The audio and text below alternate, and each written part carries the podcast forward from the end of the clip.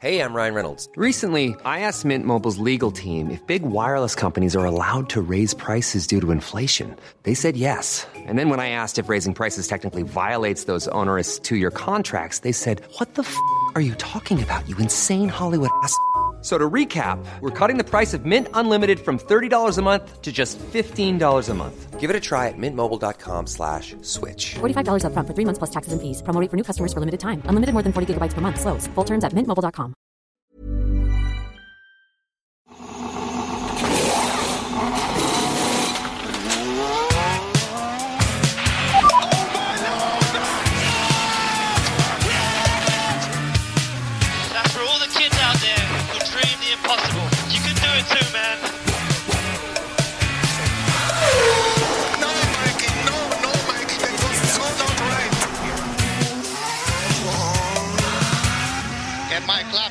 steering wheel.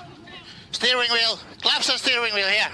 Välkomna till veckans avsnitt av Plattan i mattan. Och den här veckan så är det ett riktigt pang-avsnitt där vi har en gäst som är med i princip hela podden. Och vi ska dessutom i det här avsnittet berätta för er och ringa upp vinnaren av två biljetter till Monacos GP. Så det blir ett jävla åka av idag skulle jag vilja säga. Så först, innan vi välkomnar gästen, så välkomnar vi som alltid Anna Andersson. Hallå, hej! Tjena, tjena. Ja, du är med och hörs. Och nu vänder vi oss till The Pride of Värnamo och Indycar-föraren som är på 14 plats i totalen och som nyligen kommer från ett ganska galet race. Va? Felix Rosenqvist.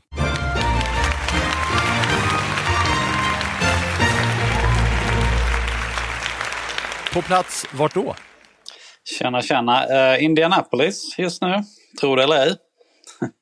Det är där du håller till och eh, håller hus. Va? Men vi ska komma in på mer sådana saker. Du, eh, galet race häromdagen. Det var väldigt galet. Eh, jag känner fortfarande jag så här adrenalin i hela, hela kroppen. Det var, jag kunde knappt sova efter racet. Det var så mycket som hände. Och framförallt var det svårt att se. För, för de som inte har sett racet så var det väldigt mycket regn. Och eh, när man har regn så ser man inte så mycket när man kör formelbilar. Framförallt inte när man har en, eh, en vindruta som inte har vindrutetorkare. Så att, eh, det var intressant.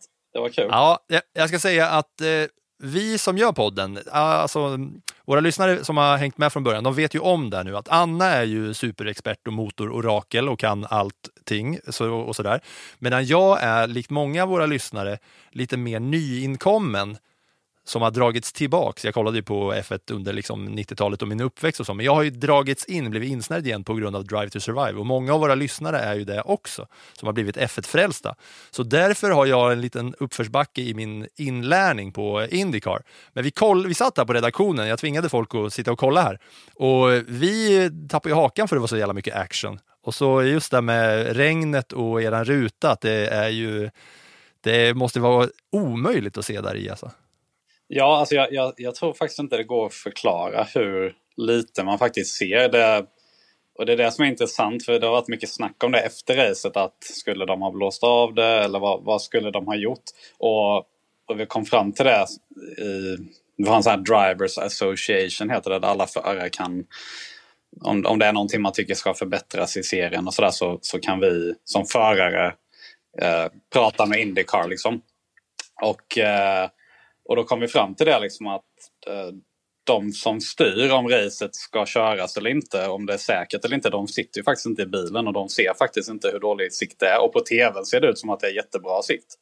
Eh, och det är liksom, ja det är lite det är lite dimma sådär i starten men annars så, så verkar det vara rätt okej. Men sen när, när man sitter i bilen, man, man ser verkligen ingenting. Och det, det enda som egentligen... Han som leder ser perfekt och sen Ja. efter det så... Det enda du ser är egentligen en blinkande lampa bak på bilen framför. Och du ser inte den jättebra heller utan det är som en så här väldigt... Jag tänker att du är nyvaken och någon blinkar med någon röd lampa i ögat. Alltså det, det är typ det enda du ser. Du ser inga bromsskyltar, du ser inga andra ljus eller någonting. Utan det är bara grå dimma. och, och baserat på det så ska man liksom köra i ja, 300 km i timmen och köra om folk och, och, och grejer. Det, det är ju typ den som är mest galen vinner ungefär. Alltså det, det, det handlar typ bara om att ta jättestora risker egentligen och ha tur. Så att, eh, eh kul men eh, det, efter sådana här race är det också skönt att bara liksom komma i mål. För det var, det var ju väldigt många som inte gjorde det och det var väldigt många som var involverade i mycket incidenter, inklusive jag då. Kör ni liksom då, när man inte ser, på så jäkla mycket rutin och instinkt från simulatorkörning då? Att det liksom sitter i reptilhjärnan och ryggmärgen på något sätt? Eller?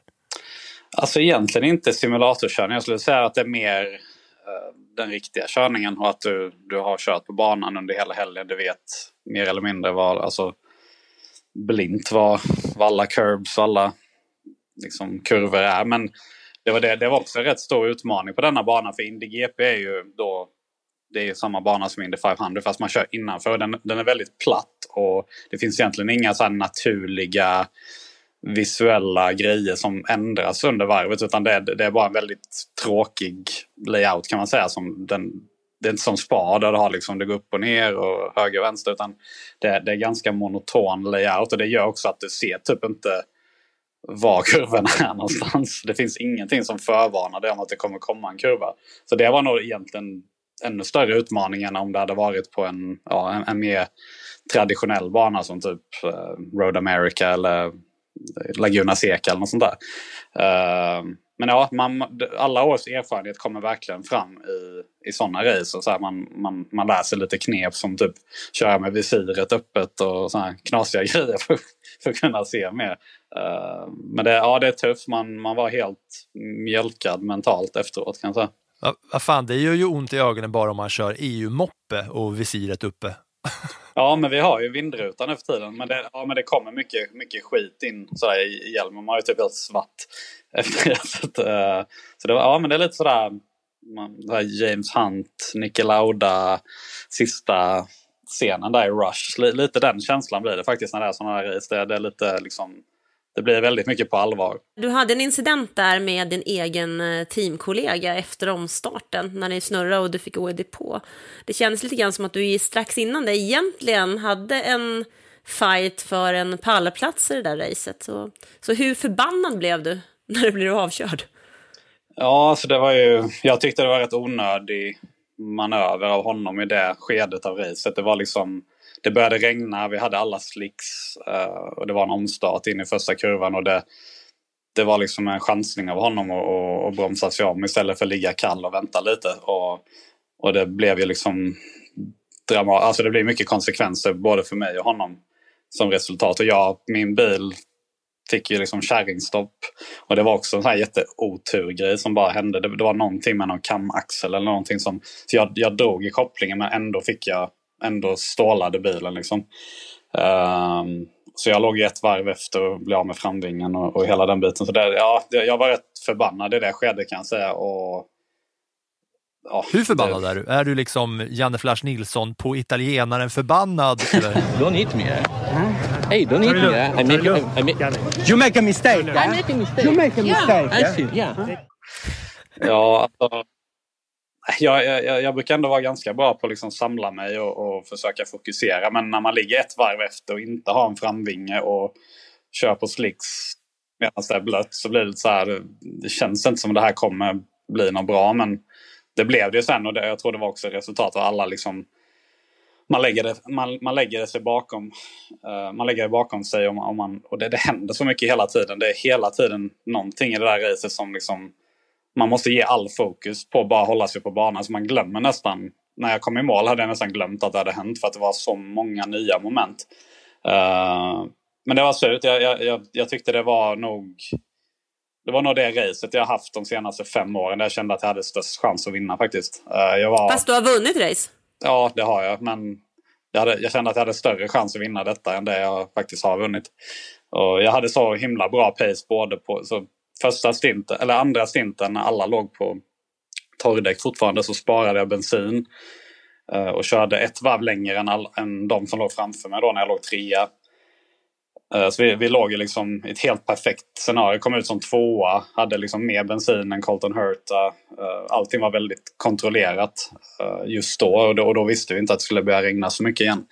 Men, eh, men det var liksom ett perfekt race och vi hade inga problem med, med dägg, vi hade inga problem med bensin och vi, vi var liksom vi var de som- var snabbast och hade bäst situation på hela banan helt enkelt. Och, och det var en väldigt stor vändning till vad vi har haft tidigare i år och de problemen vi har, de problem vi har haft. Eh, så därav kände jag mig väldigt frustrerad att, att, eh, att det blev liksom krasch med teamkompis i, efter 20 varv. Det, det, var, det, var, det var störande men eh, fick ändå en, en sjätteplats och det är bä- bästa resultat på säsongen. Och det, det är ungefär lika många poäng som att komma tre eller två. Så att på så sätt var det ändå en, en, det, det blev ett bra avslut på, på en, något som kunde ha blivit väldigt mycket värre. Det måste väl ändå båda gott som fan för, inför Indy 500 att det ändå, som du säger, att ni hade så bra chans nu.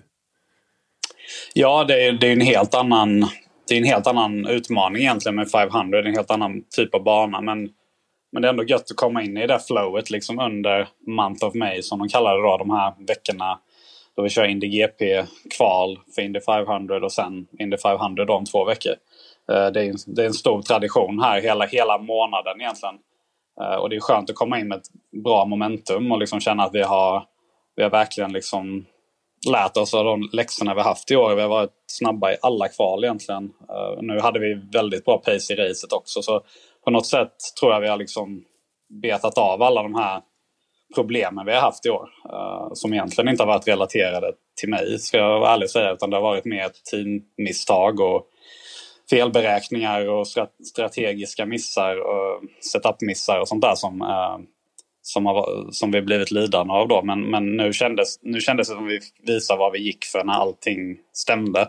Och, och, och den, jag tror det självförtroendet, inte bara för mig, men all, alla på min, min bil, som, eh, alla ingenjörer, alla mekaniker, det, jag tror det är, de är väldigt taggade och liksom komma tillbaks nu till, till 500. Och det, där vi också kände oss väldigt bra när vi testade för några veckor sedan. Så nej, det, det, det är en god känsla. Det, det är skönt att gå in med det just i detta race som är då det, det största för säsongen.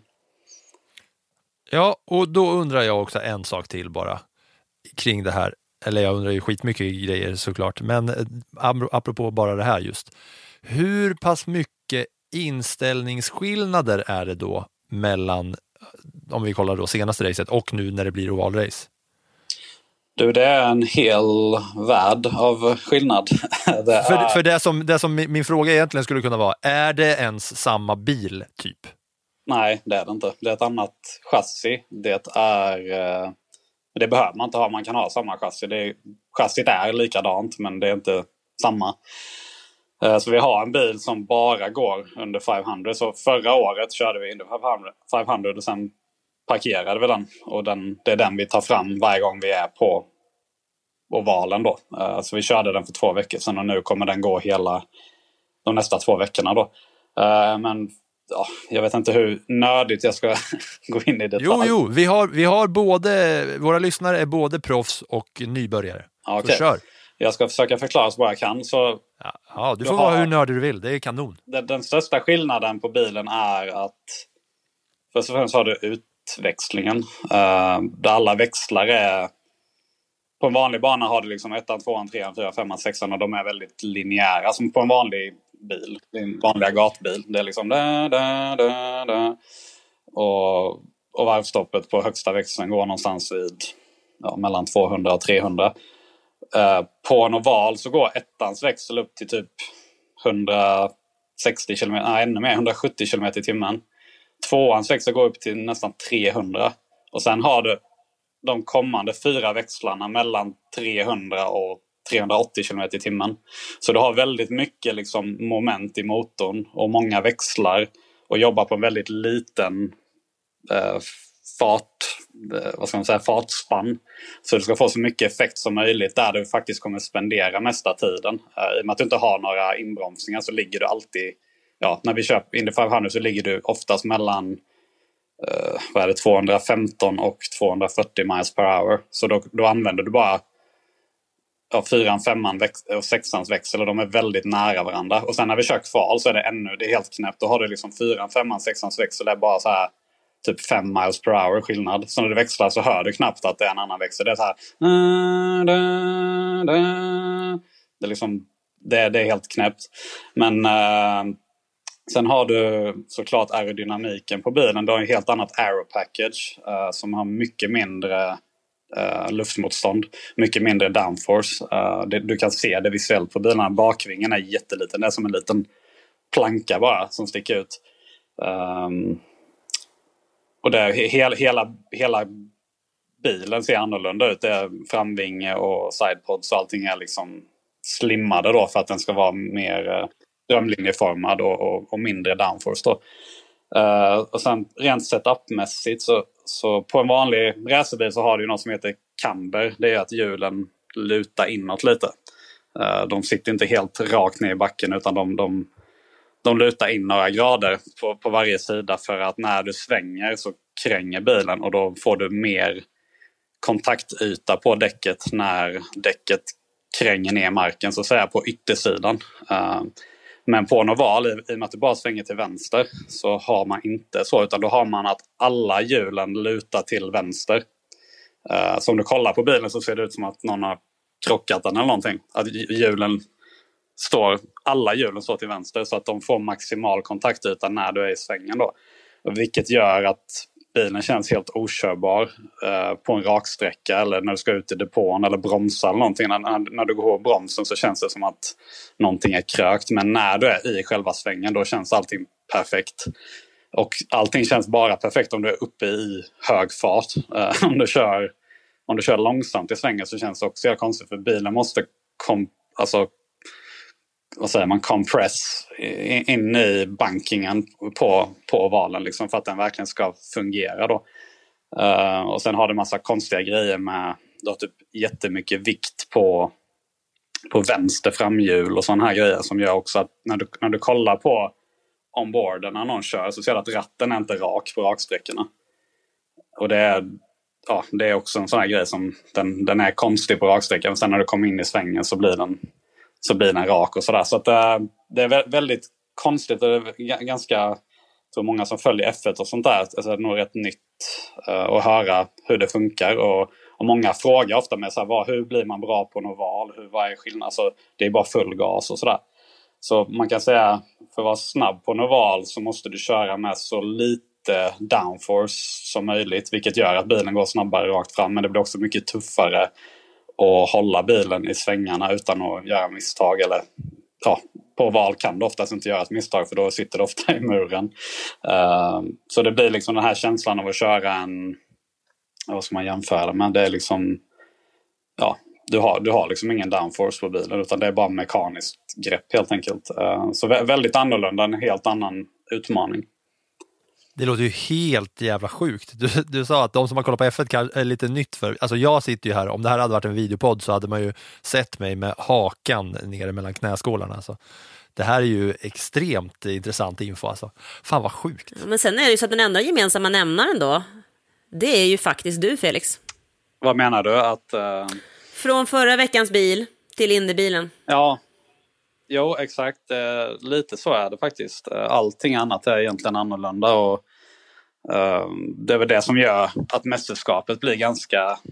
Liksom, du, du måste vara duktig på väldigt mycket olika grejer. Det, det är egentligen som en helt annan sport skulle jag vilja säga. Alltså det, skillnaden från att köra på Laguna Seca och köra Indy 500, alltså det är ungefär som att köra det, det, är lika stor skillnad som att köra typ en dragracingbil eller någonting. Jag, jag, jag tror det, det, är liksom en helt annan typ av körning, helt annan typ av setup, helt annan mentalitet när du racear andra. Ehm, så det har ju varit en hel liksom, vetenskap att lära sig sen, sen jag kom hit 2019. Och nu, nu känns det faktiskt, jag hade väldigt svårt för det i början men nu känns det faktiskt som min starkaste gren faktiskt. Ehm, så det, det har verkligen ändrat sig. Och därför är jag rätt taggad för, för Indy 500 då, för jag känner att det, i år känns det riktigt bra. Liksom det, det, är inga större frågetecken utan jag känner att jag kommer kunna gå in ganska aggressivt och, och, och leverera.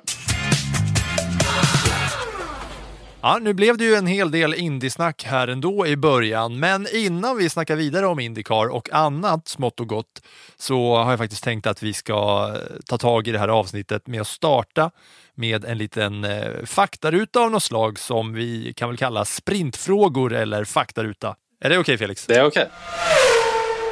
Då börjar vi så här då. Fullständigt namn. Eh, Carl Felix Helmer Rosenqvist. Helmer, underskattat namn ändå alltså. Lite Stig Helmer där. Ah, jag känner en Helmer, jävla bra musiker alltså. Kanon. Så ska det låta pianisten Emanuel Norrbys brorsa, Helmer det. Ja, okej. Säger inte er någonting. Kanske lyssnarna säger er någonting. Ålder, eller som Olof Lund skulle sagt, ålder. Ålder eh, 30 år gammal. Ja, du är 91 va? 91. Stämmer. Jag är 89. Ja, du Och då vill jag ha, Oling. Då vill jag ha, nu vill jag ha födelseort, uppväxtort och boendeort. Uh, Värnamo, Värnamo och eh, Monaco slash Indianapolis. Snabbaste hastighet du någonsin kört på banan och privat. Eh, på banan måste 242 miles per hour. Jag tror det är ungefär 389, 390 någonting kanske. 390. Eh, på väg tror jag precis 300 på, mät ja, 300 på mätaren på vanlig väg. Hallandsås, Hallandsåsen. Nej, är det sant? Hallandsåsen. Jajamän. Eh, och då kommer ju frågan, eh, ja, vad var det för bil då? En BMW var det faktiskt. Med chippad Ja, men och grejer. mer? För den hade ingen spärr. Så det var vi tvungna att kolla så att den inte hade. Kul. Får du någon puls då, då när du kör vanlig? Alltså, jag tänker i din liksom professionella bil så är det ju standard att köra så där snabbt, men i en eh, normal bil, ja då var väl inte den här BMWn norva, normal då, men får du, får du lite, får du puls på något sätt eller? Ja, alltså det är ju mycket farligare att köra 300 på vanlig väg än 400 på, på Indianapolis tror jag. Men eh, då, det var också när jag var ung, ung och dum. Jag var, tror jag var 18 eller 19 bast. Nu, nu, är jag, nu hade jag nog hållit mig till 110 tror jag. Det blir köra riktigt så här pensionärskörning nu. med Man, ingen stress, ute i god tid. Så, lite annan approach idag. 300 på Hallandsåsen, det, ja, det måste ju fan vara rekord alltså. Eh, nästa fråga är, vilken var din egna första bil? Min egna första bil var en Mercedes 190 E 2,3 16 AMG som eh, en kompis till min far eh, sålde till oss för 5 000 kronor. Och den var rostig och ful och vi, inte, jag ska inte säga att det var vi, men en kompis till oss hade som ett litet projekt och fixade den där under många år. Sen när jag var 18 så var det min första bil. Men jag, jag ägde faktiskt inte den så jag, rent tekniskt så... rent tekniskt var min första bil typ en Mazda 323 som jag och mina kompisar köpte för 900 kronor som vi körde sönder. Uh, och den stod faktiskt med. Uh, efter det så har vi haft också den här Volvo 740 grejer som vi har haft som vinterbilar. Men jag, jag har faktiskt alltid, när jag, när, jag, när jag var yngre så körde jag för Mercedes, eller jag var juniorförare för Mercedes. Jag fick alltid bilar och de, så jag, jag började faktiskt aldrig köpa en bil. Så jag, jag tror inte förrän typ förra året, det var nog den första bilen jag faktiskt köpte som jag som jag har kört och som är min och som inte är kört sönder eller varit någon rallybil liksom. 30 år gammal alltså, första bilen. Ja, precis. Nej, ja, eller... Jag är här i Indianapolis så har jag och min teamkompis en varsin som vi kan använda men vi använder aldrig dem. För det, de är så o, vad ska man säga, otympliga. Men jag tyckte fan det lät som, alltså baserat på priserna, låter som att du är en bättre dealer än vad du är en driver. Fan, 900 spänn och Ja, 5000 du ser. spänn för... Det är Det är många timmar på Blocket där man satt och scrollade. Det, det var budgeten var ju, det var ju delat på fem pass och alla gick in med typ ja, 180 spänn eller någonting. Så det, det var ju viktigt att, att det inte stack Det är fan den. pangpris alltså. Ja, men det var kul. Det, det finns någon video på det någonstans som kanske drar fram en dag. Oj, spännande. Det får man leta efter på Flashback eller Reddit eller något kanske. Men den här frågan är lite ihopkopplad med ja, 300 på Hallandsåsen då. Trafikförseelser har jag skrivit. Och då kanske jag menar lite mer där, där du faktiskt har fått, om du har fått lapp någon gång. Du kommer få mig att se ut som värsta bad guy här. Ja, men det är bra. Eh, ja, jag blev av med körkort när jag var 19 år gammal. Det är väl ändå fan vad man kan förvänta sig av en race driver. Jag måste säga att det var, det var svårt faktiskt. För jag, jag började köra Formel Renault när jag var 15 år gammal.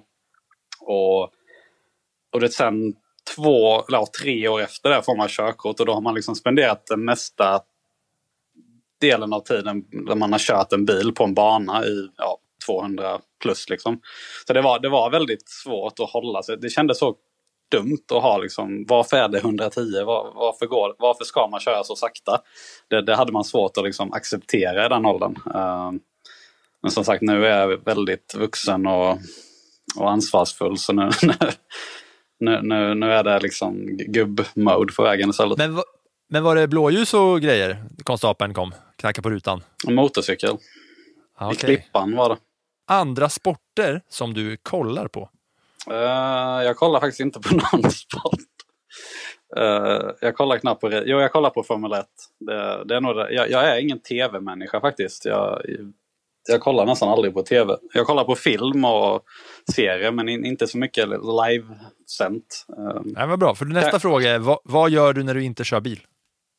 Vad gör jag? Det är det enda jag gör känner jag.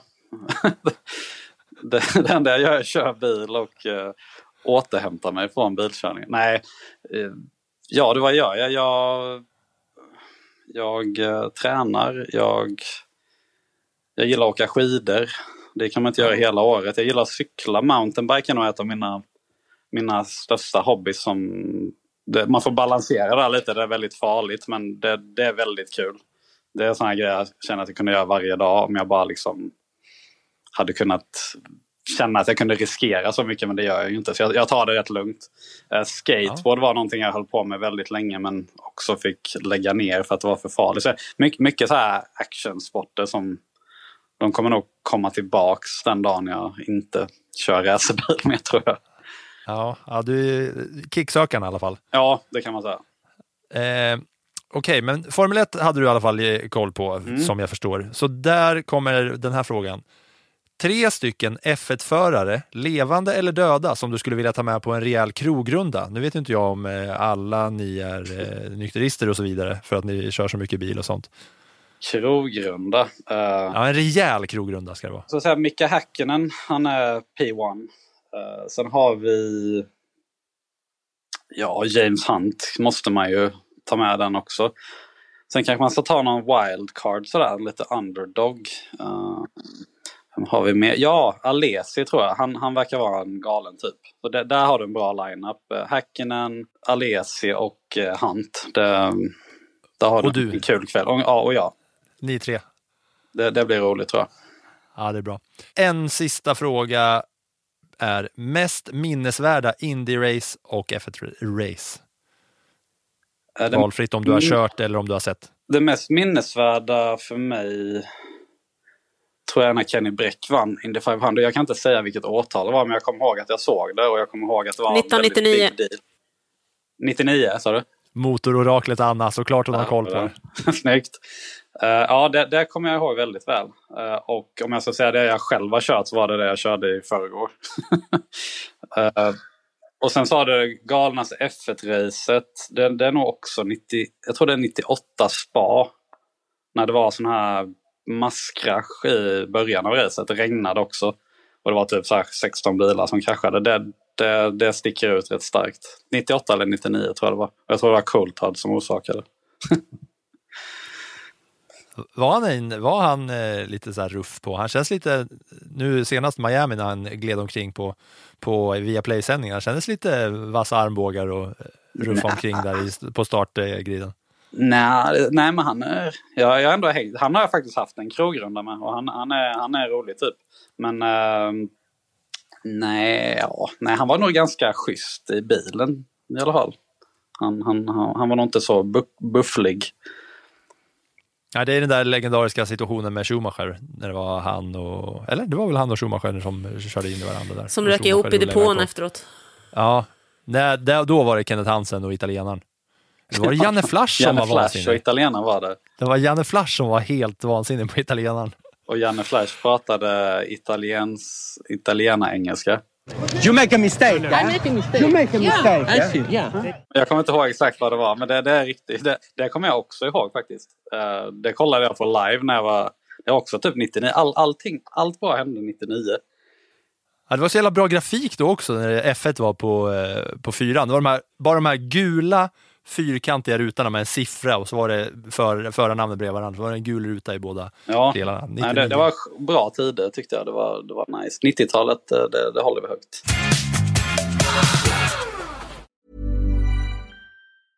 Hey, I'm Ryan Reynolds. Recently, I asked Mint Mobile's legal team if big wireless companies are allowed to raise prices due to inflation. They said yes. And then when I asked if raising prices technically violates those onerous two year contracts, they said, What the f are you talking about, you insane Hollywood ass?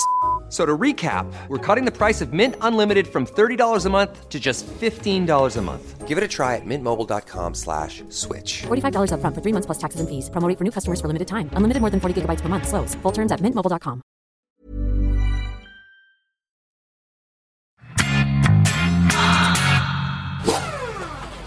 Felix, du har kört Formel E, köpt Superformula, du har köpt Formelbil i Europa och du har kört Indycar. Och nu så är du en del av ett team som är representerat både i Formel 1 och i Indycar och i Formel E också framöver. Som du ser det, vilka är de största skillnaderna mellan Indycar och F1? Vi har haft många nu som läser eh, bloggen, eller Sportbladets F1-blogg, som inte har koll på de där skillnaderna. Så du kanske kan ta och förklara det en gång för alla. Det kan jag göra. Det, det finns ju både kort och lång version på den. Men, eh, Kör en den, lagom den, kort. största, den största skillnaden är att i Indycar så har du en enhetsbil. Alla kör samma chassi. Alla kör Dallara-chassin som är byggda i Italien. Och så finns det två olika motorer, Chevrolet och Honda. Vi kör Chevrolet. Eh, och det är liksom de enda två kombinationer du kan hitta på griden. Det är, det, är, det är motorn bara och det finns två olika. Så att halva griden kör Honda, halva kör Chevrolet. Och resten är egentligen bara hur varje team ställer in sin bil. Det finns liksom ingenting du kan utveckla på bilen. Du kan inte ta fram någon speciell aerodynamisk del eller någon speciell, eh, ja vad det nu är. Det, det enda du kan göra annorlunda är stötdämparna. Så där lägger man rätt mycket kräm. Men om du tar Formel 1 så lägger man lika mycket pengar som vi lägger på våra stötdämpare. Lägger dem på hjulmuttrar, på aerodynamik, på eh, ratt, spara vikt. Alltså det, det, det är en helt sjuk operation. Vi, jag tror inte ens vi har en hundradels budget om man jämför med ett, ett toppteam i F1. Eh, Så, så utvecklingsracet är ju en stor del av F1. Eh, det Det kanske är den allra största delen. Det, har- det har vi sett i år. Liksom att Charles Leclerc som kom ja, femma kanske i snitt förra året vinner nu varenda race. Och det är inte för att han har blivit jättemycket bättre förare. Eh, utan det är, nu sitter han i material han kan vinna. Eh, och Indycar, alltså det, F1 är väldigt jämnt nu och det är, det är många team som kan slåss om vinst. Och, och, och precis som det är från där, där framme i Indycar. Eh, den, den stora skillnaden är väl att det finns liksom kvalar du 20 i Indycar så betyder det inte att du är dålig utan det är liksom det är så tufft. Alla, alla förare är ungefär lika bra och om du inte har allting rätt på, den, på kvaldagen så kommer du vara liksom 20 i början av racet. Det, vi, har, vi alla har varit där, Scott Dixon och, och jag och Marcus och Castro Neves vad de heter. Alla, folk som har vunnit flera mästerskap. Alla vi har någon, någon gång kvalat eller inte kvalat topp 20. Uh, eh, det, det är helt sjukt. Man gör ett varv man tycker är jättebra och så frågar man var, var kommer vi? Så ja, 22. Så där, där har du den stora skillnaden. Där, där i F1 sitter du då i en Ferrari så kommer du förmodligen aldrig kvala utanför Q3. Liksom det, då, då är det någonting händer, du kraschar eller det börjar regna eller någonting. Men, men, men du ska liksom vara i topp 5-6 varenda race. Liksom. Um, sen har du lite med regler och sånt där. Du har i Indycar så stänger de depån när det blir Safety Car. Och det är ju väldigt kontroversiellt egentligen för det betyder ju då att Säg att du går in i depån och byter däck och sen varvet efter blir det en, eh, en Safety Car. Då betyder det att du fick ett depåstopp gratis för att hela fältet kommer dras ihop och alla andra kommer behöva gå in i depån under Safety Car när de sen öppnar depån. Eh, så det, det gör ju också att du kan starta sist och sen helt plötsligt om du gör rätt med strategin så leder du racet. Uh, och, och, och, det var det som hände häromdagen när man, eh, på racet, när det var när man såg er alla åka upp och ner, så, när det diffade så jäkla mycket på alla hela tiden. Precis, det blir ju att många går på väldigt många olika strategier. Uh, det kan vara rätt svårt att följa. I F1 har du ofta ganska bra koll i och med att det gapet du bygger till någon kommer aldrig försvinna. Förutom det blir inte, det blir inte så ofta Safety Car i F1 längre utan det, det blir ofta den här virtual Safety Car. Så har du byggt upp ett gap så, så är det ganska svårt för någon att ta det ifrån dig. Men i Indycar så re, resetar du racet hela tiden och ibland till din fördel och ibland till din nackdel. Och, och det kan bli väldigt stora swings i, i, i liksom var du ligger någonstans. Och ibland fattar man inte som förare själv var, var ligger vi liksom.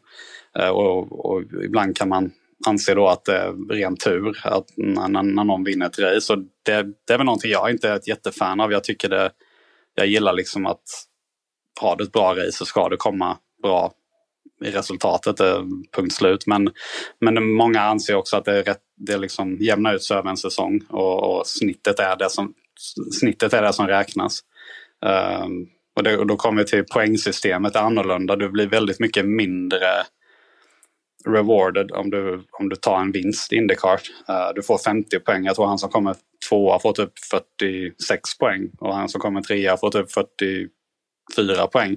Så det, det viktiga är att komma i mål varje race och komma typ topp fem hela tiden. Det är så du vinner ett mästerskap och det är intressant för de två som ligger högst i mästerskapet nu, de har inte vunnit ett enda race i år. Uh, och i F1 får du då 25 poäng om du vinner ett race. Uh, och du får 18 poäng om du, om du kommer tvåa. Så alltså, du får väldigt mycket bonus för att vinna ett race. Uh, så så det, ja, det, man, man kan ju fortsätta i en timme och, och, prata om skillnader. Men det, det, är, det är väldigt annorlunda. och bilen i sig är ju långsammare. Det är mindre effekt, mindre downforce. Eh, väger ungefär lika mycket numera dock. Så det är två, båda är väldigt tunga. Om man jämför dem med som du sa, Superformula, en sån bil väger kanske precis under 600 kilo eller över 600 kilo. En F1-bil väger nu typ 900 eh, och det är en Indycar-bil också. Så det är väldigt tunga bilar. Men F1-bilen är såklart mycket snabbare då de har fri utveckling av både motorer och framförallt aerodynamik. Jag tycker det känns som att ni som kör Indy Äh, ha, ni har liksom mer att hålla koll på. Det är mer bilar runt omkring er. Det kränger och flänger lite mer i bilen. Det är lite mer in och ut i depån. Det sparar bensin och det ska tankas ibland. Och det, det, det händer liksom mer action. Det känns som att ni är typ bättre förare. För att ni har mer, och, mer att förhålla er till. En F1-bil går, det känns som att det är bara mm. Alltså, F, det är en helt annan fokus och, och F1 är väl mer den typen av racing jag är van vid. Att du, du, du kvalar bra och sen är nästan allt jobb gjort. Liksom du, om du inte kör av någonstans eller kraschar så kommer du inte typ komma bra till om du kvalar bra. För det, det, finns liksom inga moment som kan, som kan ändra på någonting riktigt. Uh, med Indycar som du säger, det är ju det är inga däcksvärmare. Så varje gång du åker ut ur depån eller en omstart eller starten så har du kalla däck. Uh, vilket är väldigt tufft. För man vet, ofta vet man inte hur mycket grepp man har. Det är lite chansning och det går ofta liksom på sniskan. Eh, du har ingen eh, servostyrning så det är väldigt tungstyrt, väldigt fysiskt. Eh, racen är längre än F1. Det är fler depåstopp och oftast fler safety cars. Så det, det blir ofta det här momentet att du ligger på kanske ett annat däck än någon framför eller kalla däck och han har varma däck. Eller du, det, han är på en annan strategi och han har nyare däck. Så det, det är alltid väldigt mycket som säger anpassa sig till nya situationer. Man, man kan aldrig riktigt slappna av och bara känna att nu har jag det här. Utan det, så fort man slappnar av känns det alltid som man får liksom en, en käftsmäll och så nu ligger vi 17 och nu, liksom, nu ändrades allting.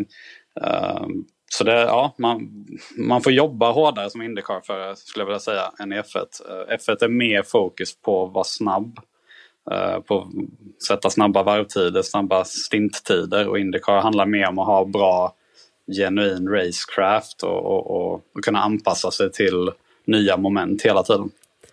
Men jag tänker, ni har ju då ett team som finns på båda ställena, både i F1 och Indycar. Vilket utbyte har ni av varandra? Vad kan ni lära er av F1 och vad har ni lärt er av F1 under de här åren som ni har hetat McLaren nu? Alltså det är, som sagt, det är väldigt annorlunda och eh, vi har ju ett visst utbyte. Men numera har vi ju folk som nu, numera äger McLaren-teamet och, och vi har ju folk som är dedikerade bara för Indycar. Inte, inte liksom att vi... Det är inte direkt att vi jobbar med F1-teamet. Uh, ehm, jag tror inte vi har någon ingenjör som jobbar med båda. Utan det, det är många, jag, jag, tror när, när de startade det här samarbetet så var det ett gäng ingenjörer som kände att ja, men vi kanske inte vill jobba med F1 längre. Vi kanske inte vill resa lika mycket och de jobbar nu på, i våra team. Och de kommer, vi brukar ha typ minst en eller kanske ibland nu under Indy 500 skulle jag säga typ fyra, fem ingenjörer som kommer från England då. Uh, och det, det jag skulle säga som de har bidragit mest till är nog ovalprogrammet. Uh, typ Indy 500, kval, sånt där. Uh, med aerodynamik. Där, där är de ju väldigt duktiga och det är ju liksom någonting som F1 teamet är specialister på som egentligen inte Indycar-team kan så mycket om. Eller all, alla Indycar-team använder ju vindtunnel och sånt där men men, uh, men att ha samarbete med ett Formel 1-team där känns som att vi har ett litet uh, steg. Uh, litet liksom advantage jämfört med, med, med många andra team. men sen känns det också som att de ingenjörerna de fick se typ hur våra så här, när man kollar på dämparna, typ hur mycket dämparna rör sig när vi kör på så Detroit eller St. Peter eller någonting. Alltså det är någonting de aldrig har sett innan. Det blir typ som jämföra motocross och MotoGP. Det är liksom det är en helt annan typ av bana och de bara liksom, vad, vad är det här? Det är helt, helt galet. Så, att, eh, så det är inte så simpelt att man bara tar massa F1-folk och, och sen vinner allting. Det, och det är många som har försökt med det tidigare. Det är många som har anlitat duktiga F1-ingenjörer och det är liksom det är inte så enkelt. Så jag, jag, tycker vi har gjort ett bra jobb och integrerat dem långsamt. Och vi har ändå kvar liksom basen av det som var teamet innan McLaren kom. Uh, men nu får vi liksom varje, ska säga, varje, varannan månad känns det som att det är ett nytt ansikte som dyker upp som kommer från England och som ska integreras i teamet. Då. Så det är, det är ingen jätteförändring men, men vi får garanterat bra hjälp från dem. Och samma sak man ser eh, förarna också, att de eh, som har kört F1 och som kommer över, de kliver inte upp och vinner direkt om man kollar på eh, Grosjean och Eriksson och det finns ju säkert fler som jag inte har koll på. Nej, precis av den anledningen. Det är, det, är liksom, det är någonting som du aldrig har specialiserat dig på om du inte, har, om du inte är uppvuxen och kört i USA. Så det ser man ju ofta att de, de förarna som är bäst på Indycar när de kommer in, det är de som faktiskt har kört typ Indy Light som är, man kan säga motsvarande Formel 2 i USA och som har kört hela karriärstegen i USA för då har de kört ovaler och de har kört på alla banorna och sådär.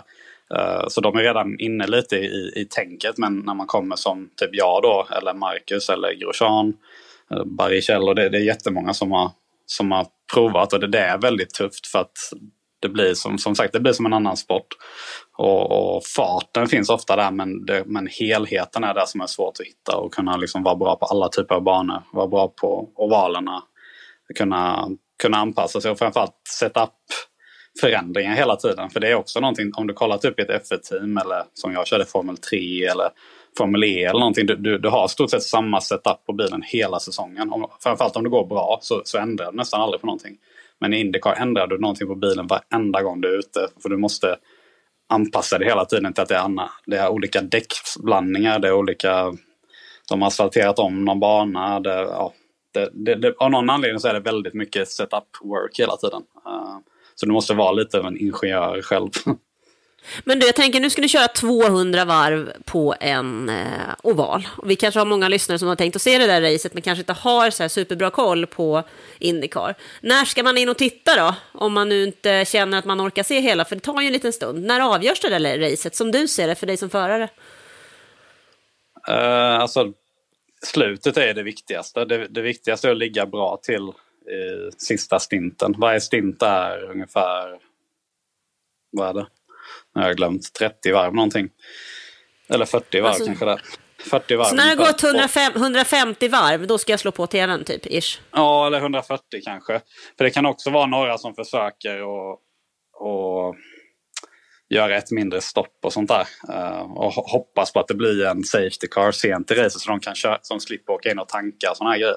Så det finns alla, alla, alla olika varianter. Men, men i regel så är det ju de som är bra under racet och ligger topp 7, topp 8 någonting. Och sen kommer sista stinten och de är där framme. Det är, det är ofta de som är racet. Eh, och det är ofta då vissa förare visar liksom sina riktiga...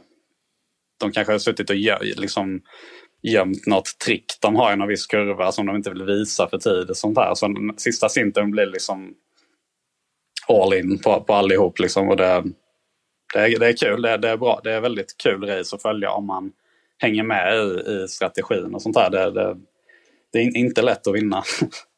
Kommer det vara knökfullt på läktaren? Det kommer det. Det är tydligen utsålt mer eller mindre. Så att, eh, Ja, mäktigt. Det jag undrar då är, när ni kör, hör ni någonsin någonting av publiken? Ja, alltså jag anser faktiskt att jag har gjort det någon gång. Eh, jag kanske är knäpp, men jag, jag, jag tycker faktiskt att jag har hört publik någon gång när det har hänt någonting. Jag tror det varit att någon har typ rykt, någon har kört ihop eller kraschat någon på andra sidan eller något och så har man bara hört att det är liksom så här. wow. Så det, ja, jag, jag skulle vilja säga att jag har hört Ja. publik. Intressant. Vilken är din strategi då, den 29 maj? Min strategi? eh, ja, du, min strategi är att Får vi passa oss ifall Marcus Eriksson är en poddlyssnare. Ja, nej, men jag tror vi har alla ungefär samma strategi.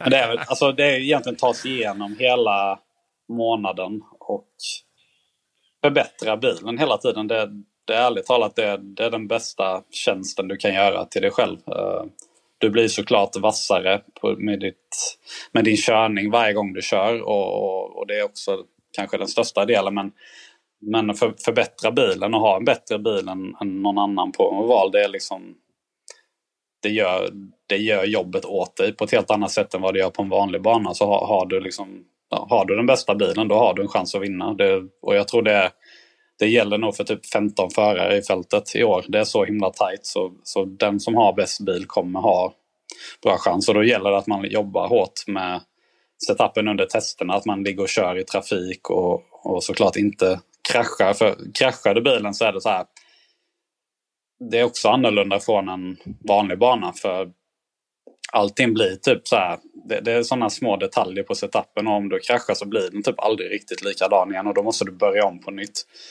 Och det, det tar tid att komma tillbaks liksom där du var med, med din bil. Och så här, du, du, vi har typ speciella framvingar som vi vet är bättre än andra och sånt där som man har testat i vindtunnel. Uh, och typ om du kraschar din framvinge då, då måste du gå till en backup-framvinge som inte kommer vara lika bra och sådana grejer. Så att du vill, det är, det är också ett mål, du vill bara hålla bilen ren och inte, inte, inte smälla liksom. Vi har ju berättat om att vi har en tävling där vi delar ut biljetter till Monacos GP. Och då är det så här att vi har fått 3041 stycken mejl med folk som har gissat rätt på det här quizet då och är med i eh, utlottningen. Så därför vill vi att du, Felix Rosenqvist, ska säga en siffra mellan 1 och 3041. För det kommer bli den vi ringer upp. Oj, eh, då säger jag två, fyra, åtta, sju. Och då har det blivit dags för att ringa upp vinnaren av biljetterna till Monacos Grand Prix. Och det här quizet som vi haft har vi gjort i samarbete med Hyper och Felix sa ju då som sagt några siffror och siffran var 2487. Och då har vi kollat nu i våran mejlkorg vem det är som var mejlare med alla rätt på quizet, som var den som skickade in 2487 i ordningen. Och det är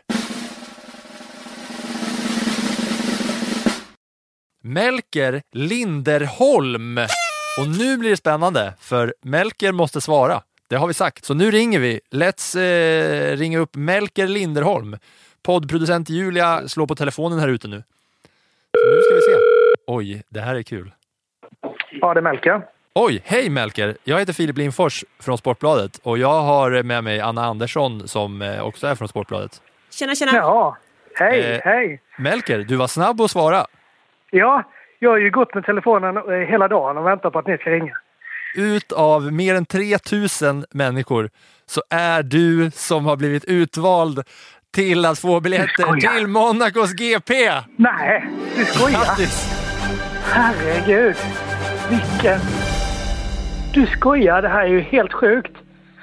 Wow, vad glad jag är. Shit. Du, vem tar du med dig? Det blir nog min sambo, tror jag. Det får vi lösa. Vi har en, eh, en liten tjej på nio år också, men det, ja, vi får lösa det helt enkelt. Det blir nog sambo som jag tar med. Är du Formel 1-fan eller? Alltså jag egentligen har legat lite latent hela mitt liv, men det är först nu tycker jag som jag har börjat följa det här mer. Eh, så att jag tycker det är jättekul just nu faktiskt. Du, vad tycker du om årets säsong då? Ja, men det är spännande. Det är det verkligen. Eh, det händer ju mycket som vi har sett här i tävlingarna. Eh, så att ja, ja, vi får väl se vad, vad som händer. Men jag tror väl på Verstappen ändå. Att han, att han kniper det. Vad ser du bäst fram emot, mest fram emot då i Monaco? Ja, men jag har aldrig varit på en sån här tävling. Eh, jag har aldrig varit i Monaco heller. Eh, så att, eh, men just att vara på en Formel 1-tävling kommer ju bli en riktig höjdare. Att uppleva det, stämningen och ja, med fansen och allt annat runt omkring och sådär. Så att det, allt ser jag nog framåt faktiskt. Och, och att åka iväg nu också, ner, eh, även om det är bra väder här eh, så, så kommer det vara bra väder där nere också. Så ska ni packa ner öronproppar. Ja, ja precis. Jo, men den, den har jag nog redan kryssat i eller så att vi ska ha med oss. Ja, det förstår jag. Ja, men vad kul det här är. Uh. Ja? Jag Du, jag önskar dig en riktigt, riktigt trevlig resa. Ja, men tack så mycket. Tack ska Ja, ni ha. stort, stort grattis och ha det grymt bra där nere. Ja, tack så hemskt mycket. Tack, tack. Kul. Det där var roligt ju.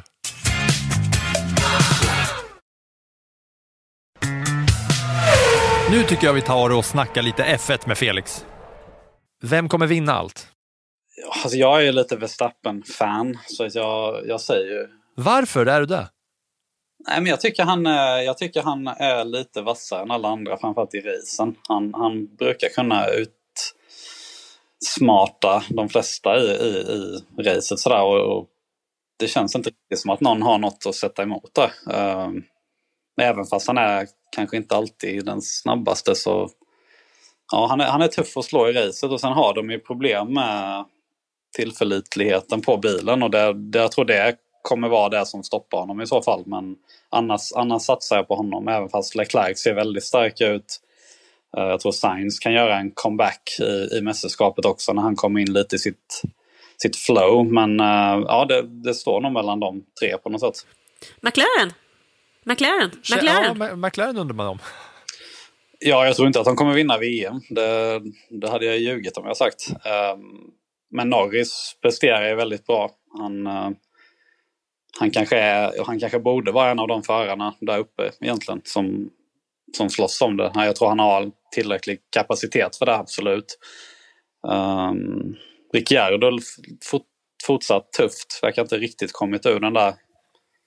Fortsatt fiasko brukar jag säga. Ja, alltså Borde vara Det bättre. är svårt för det, ja, det, det är likadant där. Alla är väldigt duktiga. Jag, jag, jag ratear verkligen Ricciardo. Lätt att glömma när han gick in och liksom var Fettels teamkompis och bara liksom krossade Fettel. Vilket sen ledde Fettel till ja, där han är nu egentligen. Så att, eh, Fördärvet. Ja, precis. Och det, det, det handlar bara om att sitta... Jag, jag kan relatera till det själv. Liksom, när man inte är i en situation där det känns... När du kör bilen och det inte känns som att du är helt... Alltså, det behöver inte vara att det känns obehagligt, men när du inte har det där riktiga, liksom, det klickar inte riktigt hela vägen. Då rinner det iväg liksom en hundradel här, en hundradel där och sen är du två tiondelar efter din teamkompis. Och är du då i mittfältet, då är det skillnaden på att vara sjua och fjortonde.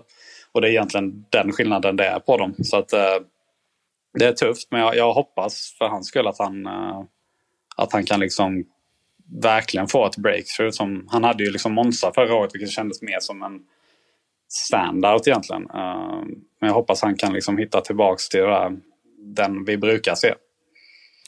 Jag undrar också vart du står i debatten om the GOAT. Hamilton, Schumacher, Ja. Senna. Uh, alltså jag säger nog Hamilton faktiskt. Och det är nog baserat på att... Uh, alltså det, jag, tyck, jag tror det är tuffare nu än vad det var när de två andra du nämnde körde. Eh, kanske inte liksom tufft i... Alltså det var ju mycket farligare att köra typ när Senna körde och så vidare. Men, det, men motståndet är ju liksom, det, är tuff, det blir tuffare och tuffare varje år som går. Och det, så det är bara ett faktum och Hamilton har ändå lyckats liksom hålla sig på topp i, i, i många år nu. Och han, ja, sedan 2007. Och man kan ju hävda att han kör för den bästa bilen. Eller kör med det bästa teamet och sådär. Men det har ju också både Senna och, och, och Schumacher gjort. Och på något sätt är det också en bedrift att hålla sig kvar i det bästa teamet. För det är många som får chansen i det bästa teamet. Typ Kovalainen, eh, Perez. Det, det, är många förare som har varit i toppteam men inte kunnat hänga kvar. Eh, och de, de, är inte där av en slump utan de är där för att de är bäst. Så ja, jag, jag tycker Lewis. Anna, har du något sista? Ja, jo, Felix... Filip. Filip, ska, Filip ska till Barcelona och kolla helgens race. Han ska springa in och ta den bästa platsen. Jag har ståplatsbiljetter till Barcelona. Ja, vart ska han stå? Jag hade tagit eh, kurva kurva 1 eller vad blir det nu? Alltså du, där du ser kurva 8 och kurva 10 och kurva 11. Den sektionen, alltså sektor 3. Uh, eh, då ser du bilarna lite mer vilket är kul och med lite mindre omkörningar. För jag, jag tror de flesta kommer ske in i kurva kurva 1. Um, eh, men ja, de, de, jag skulle säga 50-50 mellan de två. Det här är ju otroligt valuable information alltså. Satan vad jag ska kuta. Jag blir det någon omkörning överhuvudtaget så är det i kurva 1. Där var det två stycken förra året i alla fall, om ledningen. Så det är ju inte en bana där det körs om mycket, men det vet man ju aldrig riktigt. Det, ibland blir det väldigt bra race där också. Men jag tror det blir fler där än in i kurva 8 faktiskt. Då tackar vi Felix Rosenqvist av hela våra hjärtan, både jag, Anna och alla lyssnare. Vi undrar vad, vad bär, vart bär det av för dig här och nu då, direkt efter inspelningen? Jag ska nog cykla tror jag och eh, jag ska dricka kaffe tänkte jag, någonstans. Det är viktigt. Ja, det är inte så mycket som händer idag, men det är skönt. Det, det är, alltså, den här månaden är helt kaos. Det, det är verkligen varenda sekund där någonting. Så det, det är skönt att ha en, en så här sista andas in dag innan allting ja, sker. Tusen tack Felix Rosenqvist. Eh, 14 plats i totalen i Indycar Series och 29 maj är det ju alltså Indy 500. Tusen tack Felix och lycka till! Tack, tack. Ha det gott. Hej då! 300 blås på Hallandsåsen. Det, det tar jag med mig. Nu är det mindre än två veckor kvar till Indianapolis 500, eller Indy 500. Tävlingen som avgörs på ovalen Indianapolis Motor Speedway. De tävlande kör 200 varv, 500 miles, 800 kilometer. Den första tävlingen avgjordes år 1911 och idag är det ett av världens absolut största idrottsevent där runt 400 000 människor besöker tävlingsdagen varje år. Ett par saker som är värda att notera, det är att vinnaren dricker en klunk mjölk. Det är bara 33 deltagare i racet. Kvalet avgörs en vecka innan det är dags för race. Det är bara en svensk förare som har vunnit klassikern 1999 och segraren hette Kenny Bräck. Det delas ut dubbla poäng i racet. Dessutom får förarna poäng för kvalet. Det gör att det har en enorm betydelse för den totala sammanräkningen av eh, Indycar. I år tävlar två svenskar i kvalet. Det är Marcus Eriksson som kör för Chip Ganassi Racing och Felix Rosenqvist som kör för Arrow McLaren SMP. Jag fastnade på alltså 400 000 pers. Det är alltså en halv mille människor. En halv miljon folk. Ja, nästan. där ska du inte springa först in och knö dig fram kan jag säga. Nej du. Men jag tror att jag känner, jag känner i alla fall tre personer som hon reser från Sverige till Indianapolis för att se det racet i år. Jag har precis lagt till Indy 500 på min bucketlist innan jag ska ligga i backen stendöd. Mm, den finns på min också. Du har inte varit där än alltså? Nej, jag har faktiskt inte varit där än. Alltså, jag, ger, jag ger mig själv fem år så har jag gjort det. Ja, ja, men du vet att jag har haft barn i olika åldrar på vägen dit så att jag tänker att om fem år så är de uh, inte intresserade längre så då kan jag göra det själv. Ja, vi eh, har snackat eh, en hel del indie nu. Det tycker jag att vi bjuder på för att det var ändå F1-vänligt indiesnack. Så att eh, Felix gjorde bra med jämförelse där hela tiden mellan indie och F1 så att vi är ju ändå där. Men som plattan i mattan som är Sportbladets F1-podd så måste vi blicka vidare mot racet som är i helgen i Barcelona. Ja, där, det är ju faktiskt en bana som förarna kan i sömnen. Jag tror att flera av dem skulle kunna backa runt den där banan också. För de har kört på den som de var barn i stort sett. De har kört... Man kör med regn och Indy 5, Indycar vindruta. Nej, de testar ju alltid på det där va. Så att, eh, vad man kan säga om banan är att de två första sektorerna, de passar jättebra ihop. Det är ett schysst flyt, de är rytmiska. Men den tredje sektorn är något helt annat. Om man tittar på barnlayouten så känns det som att den liksom är ditklistrad. Den hör liksom inte riktigt dit egentligen. Den är långsam, den är lite hackig och det är ett risk för ganska hårt däckslitage där i slutet. Och det där gör att den här banan är ju väldigt bred. Alltså en bil som går bra i Barcelona går ofta bra under resten av säsongen för man ser väldigt väl hur bilarna funkar.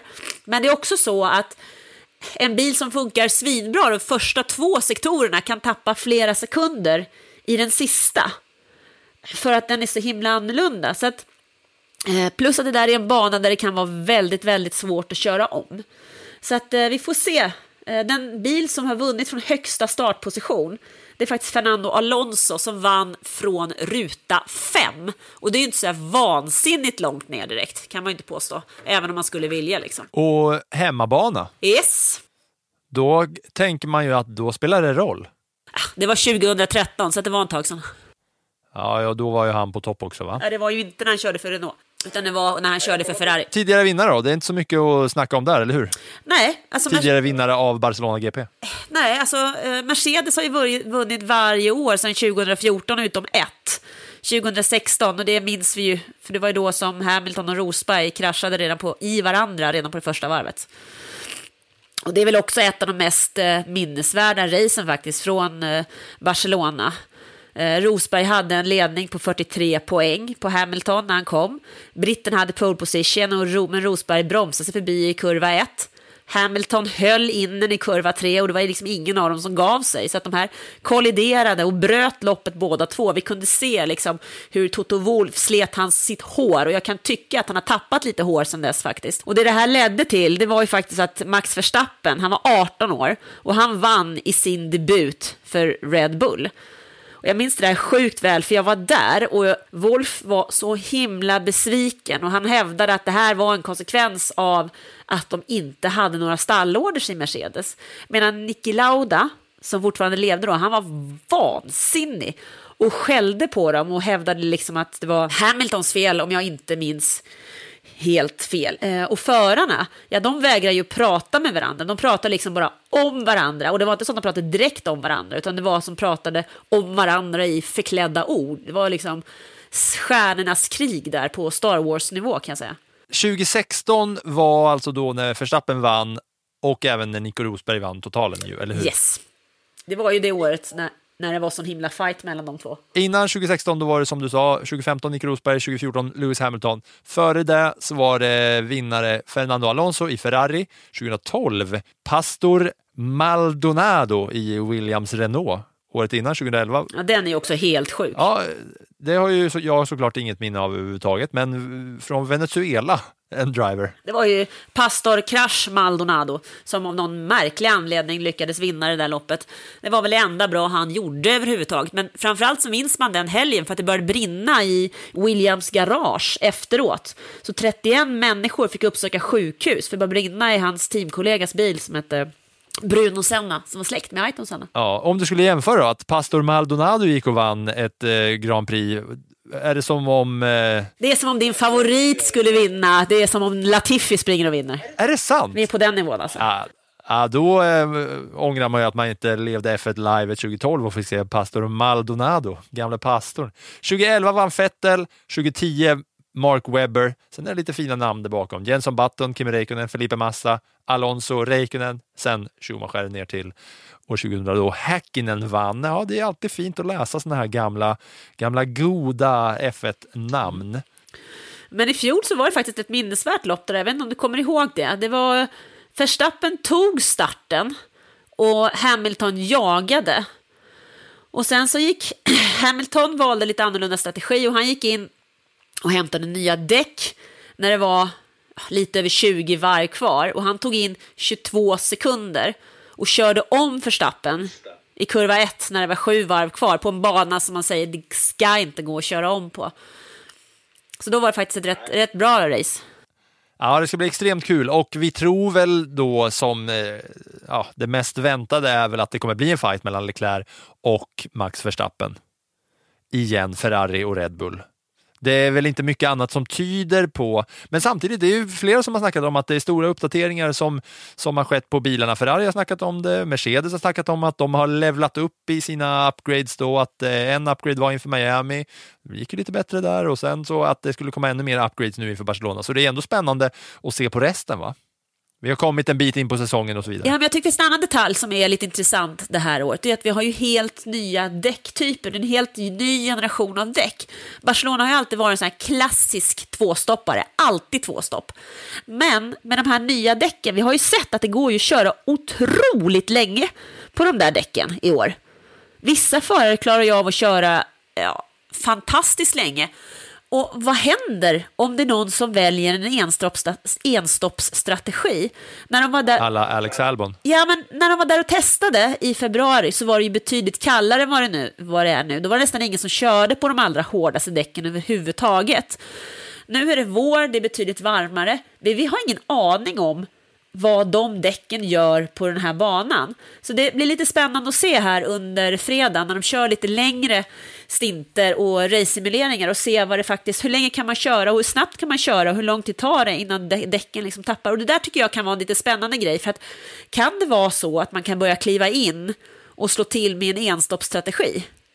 Då kanske det kan hända grejer. Ja, det är ju verkligen annat väder kan jag ju säga eftersom att jag har kollat in väderleksrapporten eftersom att det påverkar ju mig och min packning i och med att det finns en strand där och så vidare.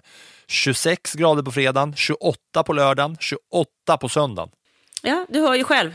Missa inte racet bara. Nej, det, det kommer jag verkligen inte göra i och med att det är därför jag åker dit. Va?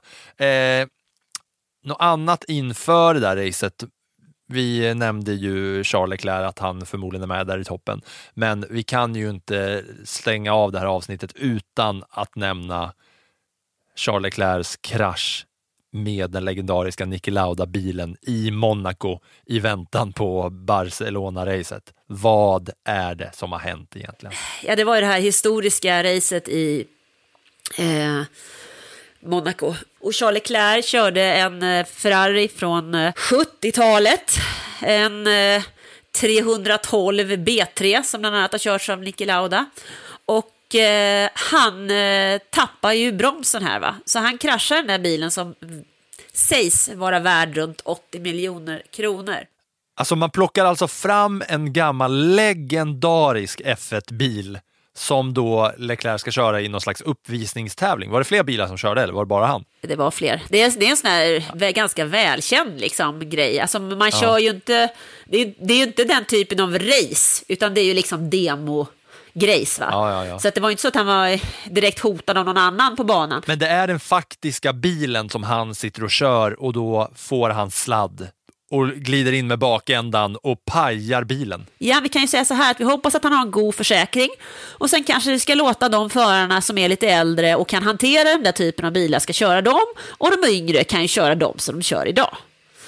Ja, äh, jag alltså, fick en sån klump i magen när, man, när jag såg det där och när jag förstod betydelsen av vad det var som han gjorde. Att det var just den Niki Lauda legend förare och legendbil från ett legendariskt år och att det är exakt den som han sladdar in och hans Monaco-förbannelse bara fortsätter. Att han sitter där och bara, man ser hur efter den där kraschen, han glider in, så bakvingen den, den viks ju av helt och hållet. Och han tar upp händerna och bara, han säger liksom, fattar du vad du har gjort till sig själv? Ja, ja, det är det. Det kommer inte påverka honom någonting, det förstår jag ju såklart. Vad, vad ser du fram emot då annars mest kring eh, kommande racehelg. Det är när jag får bilderna på hur du står på näsan i den första svängen när du springer in där och ska ta den här eh, positionen. Liksom. Du bara ligger där med dina karbonskor högt upp. Eh, nej. nej, men jag ser faktiskt fram emot att få se lite grann vad eh, uppdateringarna gör och vilka bilar som finns med i toppen här. För eftersom det brukar ge en rätt bra fingervisning kring resten av säsongen, hur den kan se ut, så blir det lite spännande att se vad, vad ligger vi egentligen? Och framförallt det här med eh, däcken också tycker jag. Det känns som att det... Jag tror inte vi kommer få några svar efter helgen, men vi kan nog få en del fingervisningar. Ja, träningen kommer bli intressant. Kvalet kommer ju bli superintressant den här gången också för att det kommer vara, som du säger, den här fingervisningen om hur bilen står till eh, så här pass, ändå, eh, ett, vad är vi, fem, sex race in i säsongen va? Vi är tio avsnitt in, det är så jag mäter F1-säsongen nu för tiden. Då lämnar vi Barcelona och blickar fram emot det. Ni som lyssnar på det här, ni ska ju såklart som alltid följa Annas live-rapportering på sportbladet.se under racet. Du kommer rapportera under kval och race, eller hur Anna? Absolut. Ja. Ja, och eh, nästa veckas avsnitt, då kanske, kanske vi får en ljudfil som är inifrån arenan, som kanske är på min första reaktion, för jag har ju aldrig sett en Formel 1-bil med mina egna ögon framför mig så att säga, som inte är på en skärm. Så kanske att jag spelar in hur det, hur det låter när jag upplever, när jag ser första farten då så att säga, när jag upplever det första gången. Nu har vi definitivt snackat tillräckligt länge i det här avsnittet. Det har blivit Indy, det har blivit F1, vi har fått ringa upp vinnaren av biljetterna till Monaco. Tusen tack för idag. Vi hörs om en vecka.